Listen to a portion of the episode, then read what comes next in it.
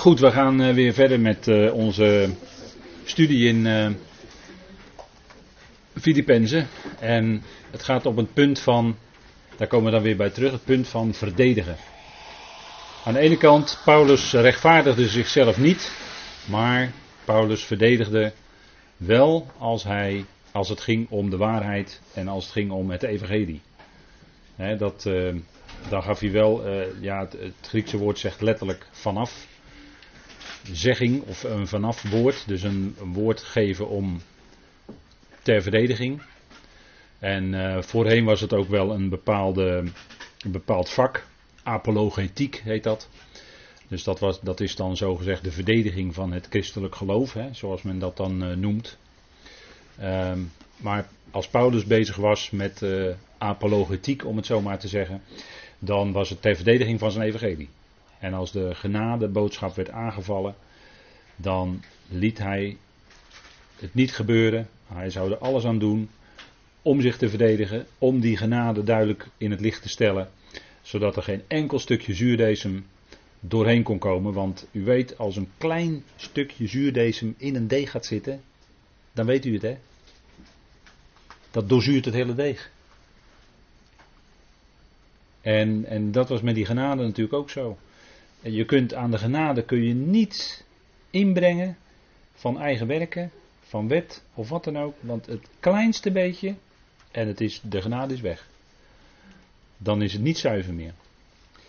Maar Paulus verkondigt het evangelie van de zuivere genade van Christus. En daar waar het werd aangevallen is hij bijzonder fel in zijn verdediging. Bijzonder fel. En daar kunnen we alleen maar blij en dankbaar mee zijn. En dat was natuurlijk bij die Corinthiërs ook. Tussen die Corinthiërs had je ook allerlei mensen die waren, hè, die hadden bijvoorbeeld een wettische inslag, instelling. En die zaten dat natuurlijk ook onderling eh, zaten die dat te verkondigen. Er waren er zelfs die twijfelden aan de opstanding. En die gingen dat, eh, die gingen dat ook nog onderling rondbazuinen. Hè, dat, dat soort dingen. Nou, als we even kijken hoe Paulus dan onder andere reageert daarop in 2 Korinthe 12. Ik heb die tekst ook op de dia staan hier. Verdedigen 2 Korinthe 12 vers 19. En dat is maar één van die versen want het, is een, een, hele lange brief en Paulus vertelt heel veel persoonlijke dingen in die brief om te laten zien hoe hij bezig was. Niet om zich te verdedigen of zich te rechtvaardigen, daar ging het niet om, maar gewoon de feiten bekendmaken. En dan lezen we in 2 Korinthe 12, vers 19. En dan stelt Paulus een heleboel vragen aan die Corinthiërs. Dus we vallen even in een betoog. Maar goed, denkt u nu weer dat wij ons tegenover jullie verdedigen? Wij spreken voor het aangezicht van God in Christus. Zo was Paulus bezig. Hè? Als hij sprak, dan sprak hij ook wat hij moest spreken. Met vrijmoedigheid. En dan bracht hij het evangelie van genade en verzoening. Niets anders dan dat. Dat was voor het aangezicht van God in Christus. Dat was zijn aanstelling als apostel. Zo moest hij het doen, zo moest hij spreken. En daarom zegt hij ook als hij tegen Timotheus spreekt: God is de redder van alle mensen, beveel en leer dit. Dat is niet een eigen gedachte of een eigen theorie die we verkondigen. Wel nee, God is de redder van alle mensen, dat is gewoon een feit. En dat zouden we bevelen en leren. Dus dat zouden we doorgeven. Die boodschap. Dat is belangrijk. want God is een genade God. En, en dat mag klinken. Nou, Paulus zegt: Ik spreek voor het aangezicht van God in Christus. En hij zegt in het tweede en het derde hoofdstuk van deze brief: Wij zijn niet zoals zoveel die het woord van God versjaggeren. Om maar eens een Jiddisch woord te gebruiken. Wij sjoemelen daar niet mee. Wij marchanderen niet met dat woord. Maar wij spreken exact dat wat hij moest spreken. En dat willen wij graag naspreken. Exact. En als het erom gaat, tot op de letter. Naspreken wat er staat geschreven. We zitten niet te wachten op eigen meningen van mensen. Daar zitten we niet op te wachten. Maar voor zover God het geeft, hè, willen we spreken voor het aangezicht van God in Christus, zegt Paulus. En dit alles, geliefden, zegt hij tegen zijn Corinthiërs, geliefden. tot jullie opbouw. Zo was Paulus bezig. Hij wilde altijd bezig zijn tot opbouw van de gelovigen, tot opbouw van het lichaam van Christus. En dat zegt hij tegenover die Corinthiërs, die zeiden ja, alle dingen zijn mij geoorloofd. Ja, wacht even, maar is dat wat jij wil of dat wat jij doet, is dat ook tot opbouw? Is dat bevorderlijk? Brengt het verder? Brengt het andere gelovigen verder? dat woord nuttig is eigenlijk bevorderlijk, brengt het verder. Dat wat jij doet of spreekt tegen andere gelovigen, is dat tot opbouw?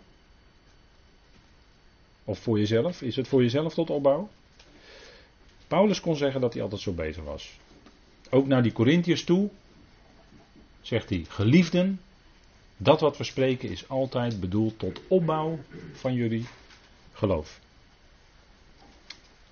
En dan is Paulus toch heel duidelijk als hij zegt in vers 20: Want ik vrees dat ik bij mijn komst jullie misschien niet zal aantreffen zoals ik wil.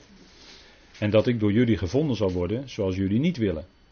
En dat er misschien twist, hè, ruzies, twist, afgunst, eh, streven, hè, daar, zit, daar zit iets in van jaloezie, woedeuitbarstingen, hè, gramschap, egoïsme, zegt mijn vertaling, staat partijschap, kwaadsprekerij, hè, kwaadsprekerij, daar staat er letterlijk naar beneden praten, dus negatief gepraat.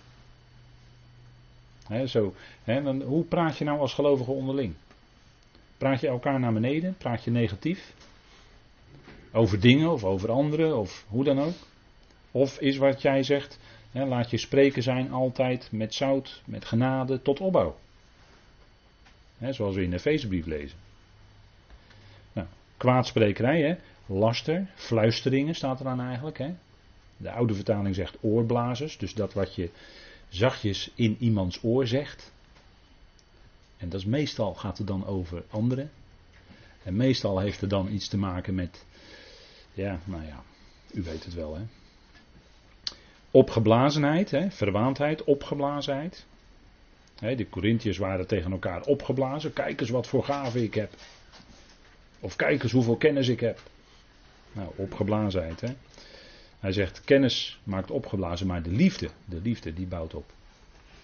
De liefde bouwt op. De liefde sticht, hè, staat er dan. De liefde bouwt op. En wanorde of oproer. En dat was ook onder die Corinthiërs, oproer. En dat kwam ook misschien wel door mensen die erg die bezig waren met wet, of die wettisch waren, laat ik het zo zeggen. Oproer door mensen die, hoe kom ik daar nou aan? Omdat Hagar, de naam Hagar, betekent oproer. En dan moet ik denken aan wat in gelaten 4 staat. Hè? Waar Hagar, die staat in een bepaald rijtje daar in gelaten 4. dus oproer was ook onder die Corinthiërs. Nou, al die zaken. Hè? En Paulus was misschien wel bang en hij was ook terughoudend om zelf bij hen te komen. En waar kwam die terughoudendheid uit voort? Omdat zijn aanwezigheid zou misschien te zwaar zijn voor de Corinthiërs. Dus hij hield zich terug en dat deed hij eigenlijk uit liefde. En daarom schreef hij die brief. dus Paulus was echt niet iemand van, nou ben ik apostel, nou kom ik eens naar jullie toe en dan zal ik eens even in jullie gemeente orde op zaken stellen. Zo was Paulus helemaal niet. Dat zou ook niet naar de liefde zijn. Hij hield zich terug en schreef een brief op afstand.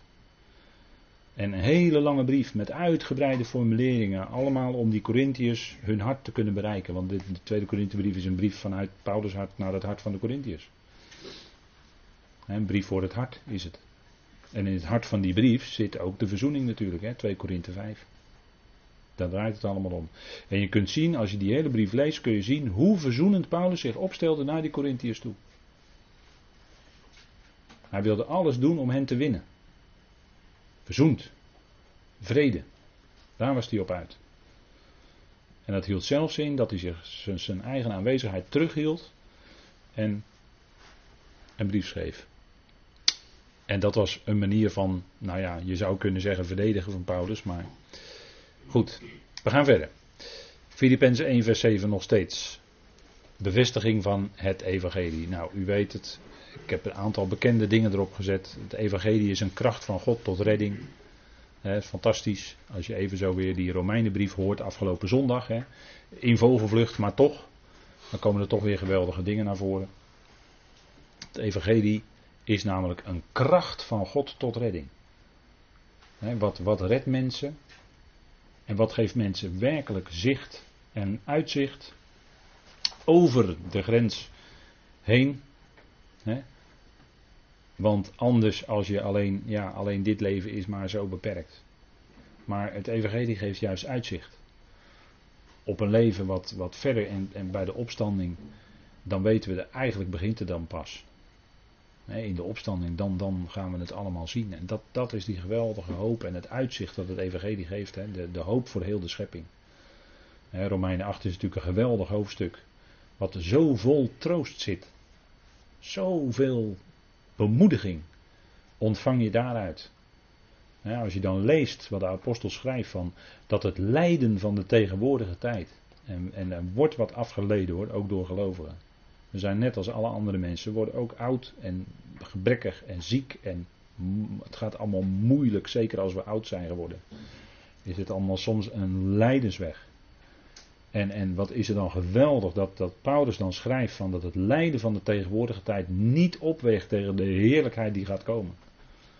Elke keer als je die woorden leest en tot je door laat dringen, dan word je daar weer door bemoedigd. Dan word je, komt er weer iets van, van hernieuwde vreugde in je hart. En ja, dat is zo fantastisch wat de apostel daar schrijft. dat, dat, dat God al die dingen in zijn hand heeft en dat hij ten diepste toch God het is die, die alles doet samenwerken tot het goede. En, en dat zegt hij misschien met, met veel tranen. Als het heel moeilijk is. En toch, toch is God dan die troost met dat uitzicht wat hij geeft. Het blijft niet bij het lijden en, en, en wat we hier meemaken. En, en eh, gelukkig, God zij dank, heeft hij ook een grens aangesteld aan het lijden. het is niet onbeperkt, gelukkig niet zeg. Maar de heerlijkheid die wacht is zo onvoorstelbaar groot. Daarom zegt hij ook: het lijden is niet te waarderen tegen de heerlijkheid die, die over ons geopenbaard zal worden. En, en Paulus natuurlijk, eh, hij was een begenadigd mens, hij heeft iets echt letterlijk van die heerlijkheid mogen zien. Hij heeft de Heer meerdere malen mogen zien, die, dat de Heer aan hem verscheen.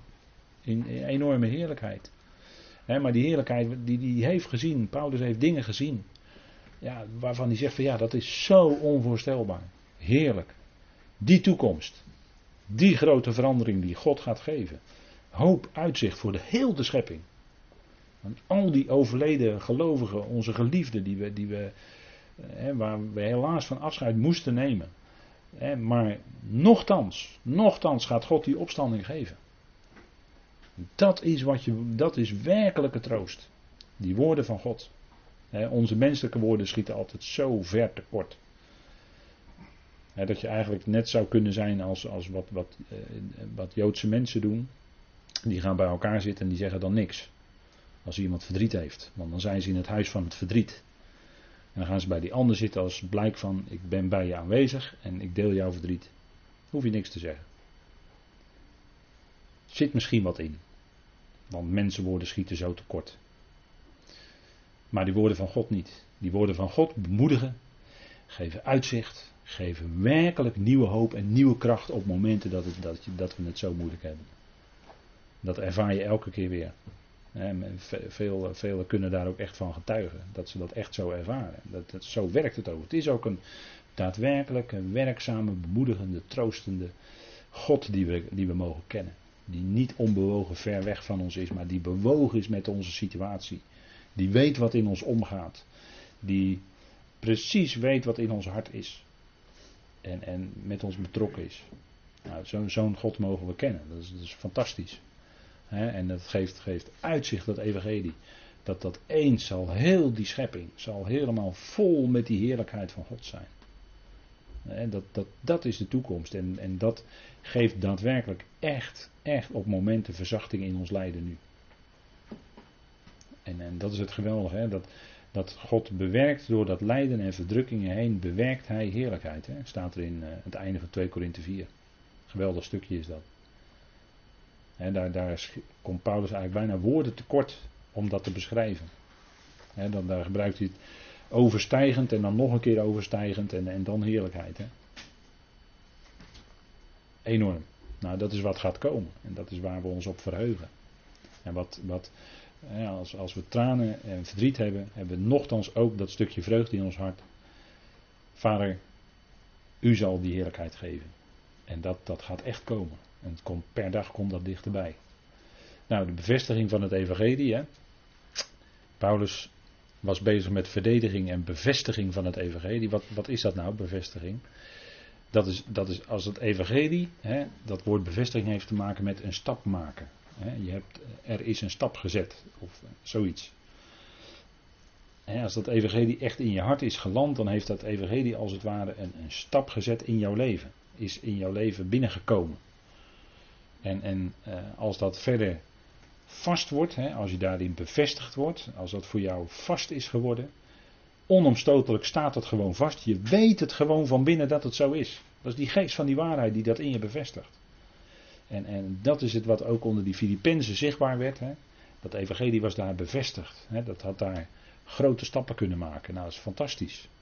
En zo was het ook onder de gelaten, maar die weken af. Helaas, helaas. Nee, maar daarom wil Paulus zo graag erbij terugroepen.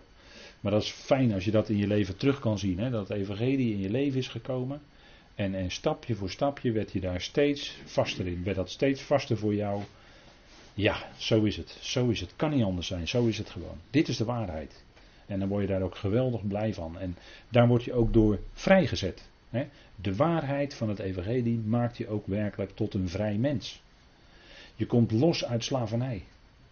Je komt los uit, uit uh, allerlei mogelijke gebondenheid. Iets wat macht over je leven kan hebben. Daar word je van vrijgesteld. Daar kom je van vrij. Dat, dat kan soms in een, in een langjarige worsteling zijn. Dat gaat niet van de ene op de andere dag. Maar die waarheid, die maakt je stap voor stap vrij. En dat is wat bij die Filippenzen ook was gebeurd. En als je dat ervaart, dat je, dat je loskomt uit die gebondenheid. Van het vlees, of gebondenheid onder de wet, of noem maar alles maar op. dan, dan kan dat ook heel bevrijdend werken. In alle opzichten in een mensenleven. dat, dat het je, je vrijzet van, van misschien, eh, misschien angst voor de dood. Dat, dat, dat heeft die, de mens heeft daar last van. Maar het evangelie kan je bevrijden van angst voor de dood. En natuurlijk is de dood geen vriend. Nee, het is een vijand. En dat blijft het altijd. Maar veel mensen zijn, hebben, hebben enorme angst voor de dood. Maar als je het evangelie gaat leren kennen, dan zie je dat dood niet het laatste woord heeft. Maar dan ga je ontdekken dat God het laatste woord heeft. En God is altijd de levende God. Dat is, betekent dus leven dat er na de dood ook opstanding komt. de dood is geen overgang naar een ander leven. Nee, dat niet. Nee, dood is dood. Maar na die dood komt er opstanding op een moment, op Gods moment, komt er opstanding. En dan is daar weer die bewustheid. En in die tussentijd weet je van niks, dat weten we heel goed uit de schrift. Maar in die dag van de opstanding zal blijken dat God de God van de levende is. Dat Hij die levende God is. Die leven geeft. Dood heeft niet het laatste woord. De tweede dood ook niet. Maar leven. God heeft het laatste woord. En dat is leven voor allen. Dat is ons uitzicht. En dat is fantastisch. Ja, en als je daar eenmaal, als dat eenmaal in je hart zit, dan, ja, bij gelegenheid kun je daar niet over zwijgen, denk ik. En, en wat was nou die Filippenzen? Daarvan zegt Paulus iets bijzonders. We zijn nog steeds in dat zevende vers. Omdat jullie allen gezamenlijk deelnemers zijn met mij aan de genade. Kijk, ze waren niet lid geworden van een of andere organisatie. Waarvoor zij jaarlijks contributie moeten betalen. En ik las laatst in, de, in het Nederlands Dagblad, ik zal de bron erbij vermelden. Ik las laatst in het Nederlands Dagblad dat uh, de lidmaten van de christelijk gereformeerde kerken in Nederland per jaar 69,80 euro betalen. Dat, is, dat moet je betalen als je lid bent van, van die kerk. Staat gewoon in de krant, kunt gewoon nalezen. Maar het, het, gaat er niet zozeer om op die manier lidmaat te zijn van een bepaalde organisatie of van een kerk. Daar gaat het helemaal niet om natuurlijk. En wat Paulus hier zegt is dat ze zijn leden van het lichaam van Christus. En dat is genade. En dat betekent dat ze daarin gezamenlijk deelnemers ook zijn geworden. Dat is nog net iets meer, hè? niet alleen lid van het lichaam van Christus, maar ze zijn gezamenlijk deelnemers met Paulus geworden. Waaraan? Aan de genade. Aan de genade staat er. En, en wat houdt dat dan in, die genade? Nou, ze kregen deel aan, aan dat evangelie van genade natuurlijk. Dat sowieso. Maar ze, kregen ook de, ze hadden ook deel gekregen aan de bediening van de apostel Paulus. Ze ondersteunden hem. En, en de Filippenzen was de enige gemeente die dat met regelmaat deed. Sowieso altijd gebed voor hem en smeekbeden, sowieso. Maar ook zelfs van tijd tot tijd materiële ondersteuning. En, en daarmee hadden ze deel aan die genadebediening door, door daar steeds in, in gebed en voorbeden dat het woord van de Heer snelle voortgang mag hebben. daarvoor te bidden. heb je deel aan, de, aan, de, aan die bediening. Dat je bidt voor de verspreiding van het evangelie van, van wat de apostel Paulus mocht brengen. Dat genade. die genade. Daar hadden ze deel aan die genadebediening. Gezamenlijk deelnemers met mij aan de genade. dat, is, dat is een bijzondere opmerking die Paulus eigenlijk alleen aan die, aan die Filippenzen schrijft. En dat was, daar was niets afgedwongens bij. Hè? Die Filippenzen deden dat uit eigen beweging, vanuit hun hart, helemaal vrijwillig. Paulus vroeg nooit om uh, materiële gaven. Hij vroeg wel steeds om gebed. Maar hij vroeg nooit, en toch deden ze dat helemaal vrijwillig. Vanuit hun eigen hart ondersteunden ze Paulus. En natuurlijk kunt u erop rekenen dat het op, was op momenten dat het ook echt nodig was bij Paulus. Dat hij daarmee weer verder kon. Daar zorgt God dan voor. En, en dat is het punt, hè. Ze, ze dus deel aan het evangelie van de genade, maar ook aan de bediening. Ze waren mede deelnemers geworden aan de genade. Heel mooi om dat zo samen te vatten, hè? op die manier. Ze waren verbonden met Paulus. Hè? Dat, dat deelnemers, dat is dat, uh, ja, daar zit dat woord, daar is dat woord koinonia mee verbonden. Hè? Koinonos. Dat is dat gemeenschappelijke, weet u wel. Dat je een uh, gemeenschappelijk iets, dat is bijvoorbeeld gezamenlijk een maaltijd nuttigen. Hè? Dat is uh, iets gemeenschappelijks. Of je houdt een samenkomst met elkaar. Waarbij het woord klinkt, waarbij je samen bidt. Dat is ook gemeenschappelijk iets hebben. Hè? Gemeenschap. Deelnemer. Hè? Gezamenlijk deelnemers. En ook door dat woordje gezamenlijk. Daar zit ook een, een hele nauwe verbinding in. Hè? Dat ze heel nauw met elkaar verbonden zijn. Dat gezamenlijke. Dus dat is eigenlijk een heel mooi begrip. En dan prachtig zo gezegd. Hè? Met mij aan de genade. Ze waren deelnemers geworden aan de genade. Dat, dat is heel mooi om die boodschap dan zo samen te vatten, hè, met één woord, de genade. Dat is het. En dat was bij die Filippenzen. En, en daarin zijn ze eigenlijk een voorbeeld voor andere gelovigen. want als je zo nadenkt over die brief, dan, dan weten we misschien wel dat er vier voorbeelden in genoemd worden. Vier mensen. Christus Jezus, Paulus, Timotheus en Epaphroditus. Maar Misschien kun je nog een vijfde voorbeeld, dat waren de Filippenzen zelf. Dan heb je nog een voorbeeld. Zij waren zelf ook een voorbeeld voor andere gelovigen. Want andere gemeentes, daar ging dat anders. En die bediening van de genade, dat is dus iets anders dan de Heer met zijn discipelen. Want die hadden deel aan het evangelie van het koninkrijk, of het evangelie van de besnijdenis.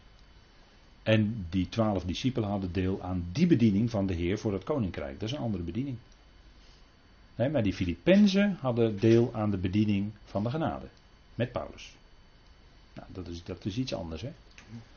Dus dat zijn zo twee verschillende lijnen die je hier weer in ziet.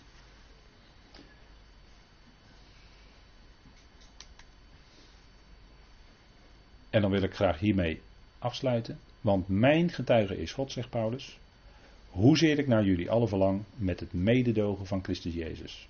hij was zo nauw verbonden met die Filippenzen. Hij bad voor ze. En was, zij waren bij hem betrokken en, en hij bij hen. Dus hij verlangde ernaar om hen weer te zien. Maar dat lukte niet altijd, want vaak had de Heer natuurlijk toch andere plannen. Maar Paulus had diep verlangen om bij ze te zijn, met hen die geweldige genade te delen. En dan zegt hij het mededogen van Christus Jezus.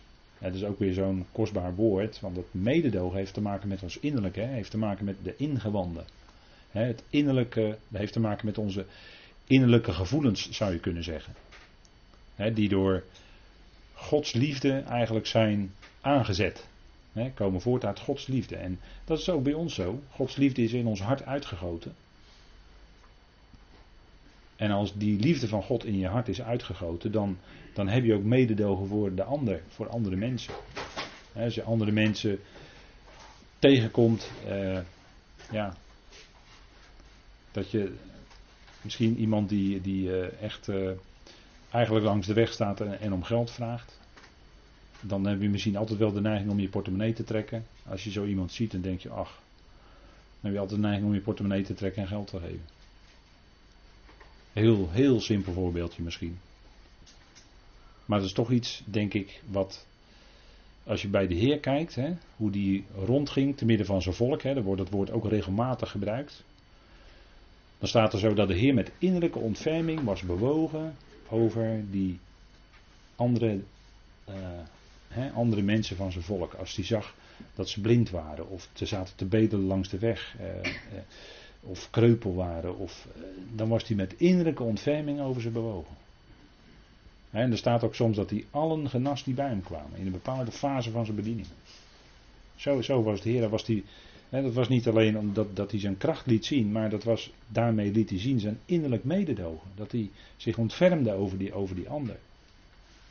En dat hij juist diegene die door de ander, uh, die, die, die uh, anderen lieten, dat doen mensen vaak. Dan laten ze iemand links liggen. Dan laten ze iemand links liggen. Iemand valt er buiten. Zacchaeus bijvoorbeeld. Die zat in die boom. die wilde vijgenboom. En dan kwam de Heer voorbij, want hij wilde de Heer zien. En de Heer had juist Zacchaeus op het oog, want hij riep Zacchaeus uit die boom. Hè? En dat was die innerlijke bewogenheid van de Heer, dat mededogen. Zacchaeus, jij bent degene die buitengesloten wordt. Hè? Jij acht jezelf veel kleiner dan al die anderen. Jij voelt je minder waardig. Maar ik wil bij jou, Zacchaeus, in huis zijn. Dat was die liefde van God in hem. Hè? Dat was die liefde van Christus. En, en, en dat, dat, is, dat is ook bij ons. Hè? Dat, dat, dat is wat Paulus ook getuigt in, in die Korinthebrief. De liefde van Christus dringt mij. De liefde van Christus is het. En van daaruit ging hij naar anderen toe, ging die, zocht hij de ander op. Net zoals de Heer die Zacchaeus uit die boom riep. dat, dat, dat is zo tegengesteld aan wat, wat de mens doet en de mens is. Hè. Maar de Heer pikt diegene eruit. of een blinde die langs de weg zit, terwijl anderen zeggen: Joh, Heer, loop door. Nee, hij gaat bij, gaat bij stilstaan gaat met die blinde in gesprek die daar zit te bedelen. En bij gelegenheid geneest hij die blinde ook. dat is natuurlijk een beeld van dat hij geestelijke blindheid geneest, natuurlijk. Maar dat is die bewogenheid van de Heer met mensen. dat als hij die verlorenheid ziet, dan kan het niet anders. Dan, dan moet hij al diegenen die in die Ionen verloren zijn, die zal hij ook weer weten terug te vinden. Dat is de ontferming van de Heer. Dat is die innerlijke, dat is dat innerlijk mededogen ik heb die teksten erop gezet, zoekt u het maar eens na in de Evangelie. Het is dat is dat innerlijk, dat is die innerlijke houding. En zo ook zegt Paulus dat voor ons onderling, hè, Colossense 3. Dat we zouden aandoen. als, je het nou, als het nou koud is, wat doe je dan aan? Nou, medelijden, mededogen, dat is hetzelfde woord. Mildheid. Komt het weer, hè? Vrucht van de geest. Ootmoedigheid zachtmoedigheid, geduld. En dat uh, onderling, innerlijke gevoelens onderling, heeft te maken met ons innerlijk. Precies hetzelfde woord.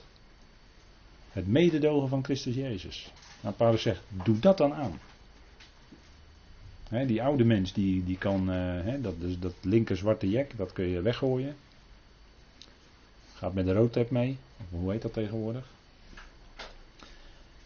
En die nieuwe mens aandoen. Die nieuwe mens aandoen. Mildheid. Mensen zijn vaak gewoon keihard hoor, tegen elkaar. Ook onderling hoor. Ook gewoon keihard. Je wordt gewoon neergesabeld. maar mildheid, dat is tegenovergestelde. Mildheid. Ootmoedigheid, nou daar hebben we het al over gehad. Zachtmoedigheid. Een zachtmoedig mens. He, wordt, wordt er wel eens gezegd van gelovigen. Dat is een genadevol mens. Lees je wel eens over gelovigen die dan al overleden zijn, uit het verleden. Maar er wordt ervan getuigd, het was een genadevol mens. Als je daarmee te maken had. Zachtmoedigheid. Geduld. Lang met elkaar er de moed inhouden, weet u wel. Mooi hè. Nou, dat is die nieuwe mens. Daar trekken we ons naar uit. Laten we die aandoen. Goed, ik wil het hierbij laten voor nou.